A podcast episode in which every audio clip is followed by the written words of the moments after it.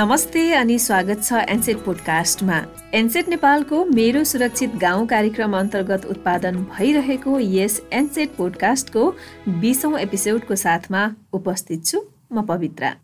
एनसेट पोडकास्टमा हामी विभिन्न प्राकृतिक प्रकोप र विपदको सेरोफेरोमा रहेर तपाईँ हामीले नै भोगेका देखेका र महसुस गरेका तिता मिठा अनुभवहरू सुनाउने गर्दछौँ। साथै विपदसँग सम्बन्धित विज्ञ र विपद न्यूनीकरणमा काम गरिरहनुभएका विभिन्न पेसेवरहरूको अनुभव र विचार पनि सुन्दछौँ। जब विक्रम सम्बत दुई हजार पैँतालिस सालमा उदयपुर केन्द्रबिन्दु पारेर छ दशमलव पाँच म्याग्निच्युडको भूकम्प गएको थियो उक्त भूकम्पको सबैभन्दा बढी क्षति धरान र आसपासका क्षेत्रमा भएको थियो। उक्त भूकम्पमा सात सय भन्दा बढी मानिसहरूले ज्यान गुमाएका थिए भने चौसठी हजारको हाराहारीमा घरहरू भत्केका थिए। त्यस समयमा जति पनि मानिसहरूको मृत्यु भयो तीमध्ये अधिकांशको मृत्यु आफ्नै घर संरचना भत्किँदा थिचिएर पुरिएर भएको निष्कर्ष निस्कियो। त्यसपछि धरान नगरपालिकाले त्यस क्षेत्रमा बन्ने घरहरू भूकम्प थेग्ने हिसाबले बन्नपर्छ भन्ने अभियानमा काम गर्न सुरु गर्यो। धरानले त्यति बेला मात्र होइन भवन संहिता कार्यान्वयन गरी सुरक्षित घर निर्माण गर्ने यो अभियानलाई अहिलेसम्म पनि निरन्तरता दिँदै आएको छ र यस कार्यमा सफल पनि भएको छ। आजको पोडकास्टमा हामीले धरानमा घर बन्ने प्रक्रिया चलन र नगरपालिकाको प्रणाली के छ त भन्ने विषयमा धरान उपमहानगरपालिका कार्यालयमा भरनक्सा शाखामा कार्यरत सिभिल इन्जिनियर रिचा निरौलासँग कुराकानी गरेका छौँ। आउनुहोस् सहकर्मी सुकृति अमात्यले उहाँसँग गर्नुभएको यो कुराकानी सुनौ। रिचाजी स्वागत छ एनसेट पोडकास्टमा। धन्यवाद यस धरान नगर क्षेत्रभित्र बनेका घरहरूको सन्दर्भमा पहिले र अहिले बन्ने घरहरूका तरिका प्रक्रिया र प्रणालीहरूमा चाहिँ के कस्तो भिन्नताहरू आएका छन्? धरान चाहिँ सबैभन्दा पुरानो नगरपालिका जसले चाहिँ बिल्डिङ कोड बाइलर्सहरूलाई चाहिँ सुरुमा चाहिँ इन्फोर्स गर्ने चाहिँ फर्स्ट नगरपालिका नै भन्ने पनि छ होइन? हाम्रो नगरपालिकाले चाहिँ यो बिल्डिङ कोडहरूलाई चाहिँ पहिल्यैदेखि जुन बेला अरू ठाउँहरूमा थिएन त्यो बेलादेखि नै बिल्डिङ कोड बाइलर्सहरूलाई चाहिँ स्ट्रिक्टली इन्फोर्स गरेको छ। र अब नक्सा पासको प्रक्रिया भन्दाखेरि चाहिँ हामीले चाहिँ अब अहिलेको समयमा चाहिँ अहिले नयाँ बन्ने घरहरू चाहिँ प्रायः सबै घरहरूलाई नै हामीले नियमन गरेर कुनै घर अब त्यसरी स्वीकृति बिना बनेको घर छ भने पनि हामीले त्यसलाई चाहिँ त्यहाँ साइडमै गएर होइन काम रोक्न लगाएर अथवा उनीहरूलाई चाहिँ जरिवाना गरेर कसरी हुन्छ? घरहरू चाहिँ सबै नगरपालिका अन्तर्गत नक्सा पास प्रक्रिया अन्तर्गत आएर नै बनुन् भनेर चाहिँ हामीले त्यो कुरालाई चाहिँ एकदम स्ट्रिक्टली हामीले त्यो गरिरहेछौँ। र अर्को कुरा भनेको चाहिँ अब पहिला बनेको घरहरू होइन स्वीकृति नलिकन अथवा अब जेनरली टु थाउजन्ड सिक्सटी फोरभन्दा अगाडि एनबिसी कोड लागु हुनुभन्दा अगाडि बनेको घरहरूको केसमा चाहिँ हामीले अब त्यस्ता घरहरूलाई चाहिँ अब फिल्डमा गएर इन्सपेक्सन गरेर होइन अब नक्सा पास गर्न मिल्ने छ भने नक्सा पास गर्ने होइन नमिल्नेहरूलाई चाहिँ अब आर्किटेक्चरल एक्सपेक्ट्सहरू पुगेको घरहरूलाई चाहिँ हामीले अभिलेखीकरण गर्ने होइन रेकर्डिङ गर्ने कामहरू पनि गरिरहेछौँ वर्षेनी यो धरान नगरपालिकामा नक्सा पास प्रक्रियामा चाहिँ कति जति घरहरू आउने गर्दछन् र ती घरहरूमध्ये कति जति घरहरू चाहिँ भवन संहिता अनुसार बन्ने गरेको छ? हाम्रो चाहिँ यस्तो छ अब कहिले त फ्लक्चुएसन त हुन्छ होइन? तर एभरेजमा भन्दाखेरि चाहिँ त्यस्तै चार सय पाँच सय घरहरू आउँछ एनुअली चाहिँ हरेक वर्ष चार सयदेखि त्यो चाहिँ एभरेजमा हो। अब अहिले यो पेन्डेमिकले गर्दाखेरि अलिक कम पनि भयो। कहिले अब धेरै अब पहिले पहिलेको रेकर्डमा चाहिँ आठ सयदेखि हजारसम्म घरहरू पनि आएकोहरू पनि रेकर्ड छ।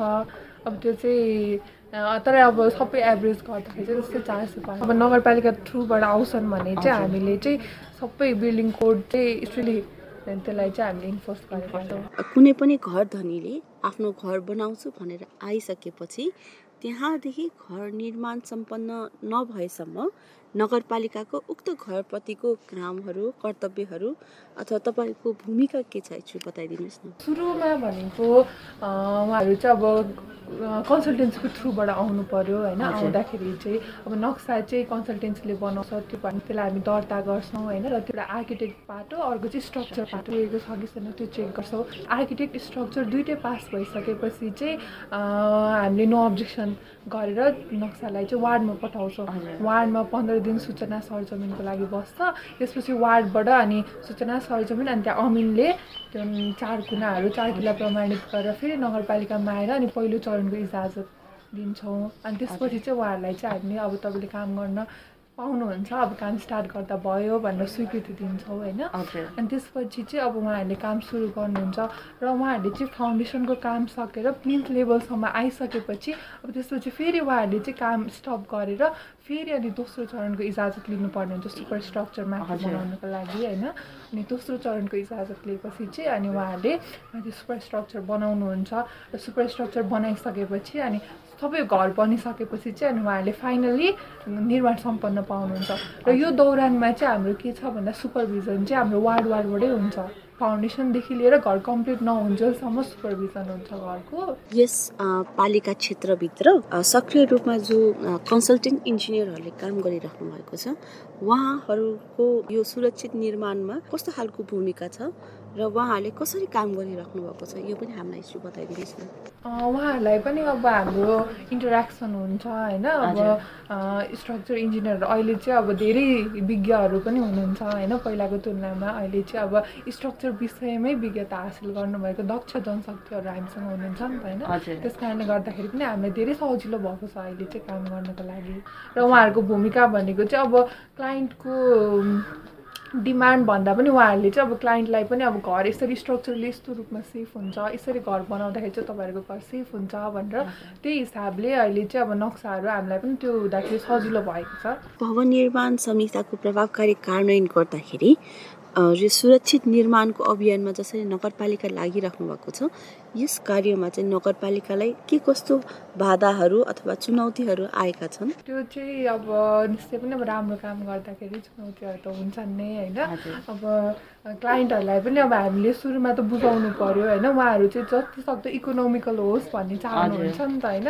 अब जति सक्दो कम खर्चमा चाहिँ घर बनियोस् भनेर। तर अहिले पछिल्लो ट्रेन अब यो बहत्तर पछिको भूकम्पले चाहिँ उहाँहरूमा पनि धेरै सचेतना चाहिँ आएको हामीले पाएका छौँ होइन। घर चाहिँ मजबुत बन् बन्नुपर्छ भइसक्यो बलियो बन्नुपर्छ भन्ने नै उहाँहरूको एउटा अपेक्षा हुन्छ होइन। त्यही हिसाबले नै आउनुहुन्छ उहाँहरू पनि। र अहिले चाहिँ अब पहिलाको तुलनामा चाहिँ अहिले त्यति साह्रो गाह्रो पनि छैन उहाँहरूलाई कन्भिन्स गर्न। अझै के गर्यो भनेदेखि चाहिँ यो भवन संहिताको कार्यान्वयनलाई चाहिँ हामीले प्रभावकारी बनाउन सकिन्छ? अब प्रभावकारी चाहिँ अब यस्तो हामी टेक्निकल पर्सनहरूले गर्ने अथवा हाम्रो अब हामी त नगरपालिका भनेको त अब इन्फोर्सिङ बडी भयो नि त होइन? हामीले गर्ने काम एक ठाउँमा छ भने अब त्यसमा चाहिँ अब तिनवटा पक्षको कुरा आउँछ होइन? एउटा अनर अथवा क्लाइन्टको कुरा आउँछ एउटा कन्सल्टेन्टको कुरा आउँछ र एउटा चाहिँ अब हामी इन्फोर्सिङ बडीको कुरा आउँछ होइन? तिनटै पक्षले चाहिँ आफ्नो हिसाबमा चाहिँ उहाँहरूले अब क्लाइन्टहरूले पनि बुझिदिनु पऱ्यो होइन?